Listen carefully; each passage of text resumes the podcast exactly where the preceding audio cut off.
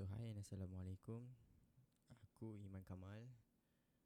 Dalam Sembang Seorang Podcast Which is podcast ni aku akan cerita Aku akan bebel Aku akan uh, buat luahan perasaan And share some knowledge or info.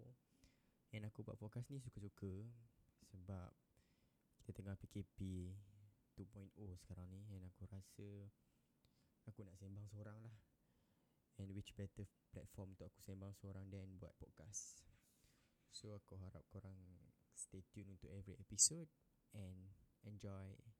Thank you. Peace out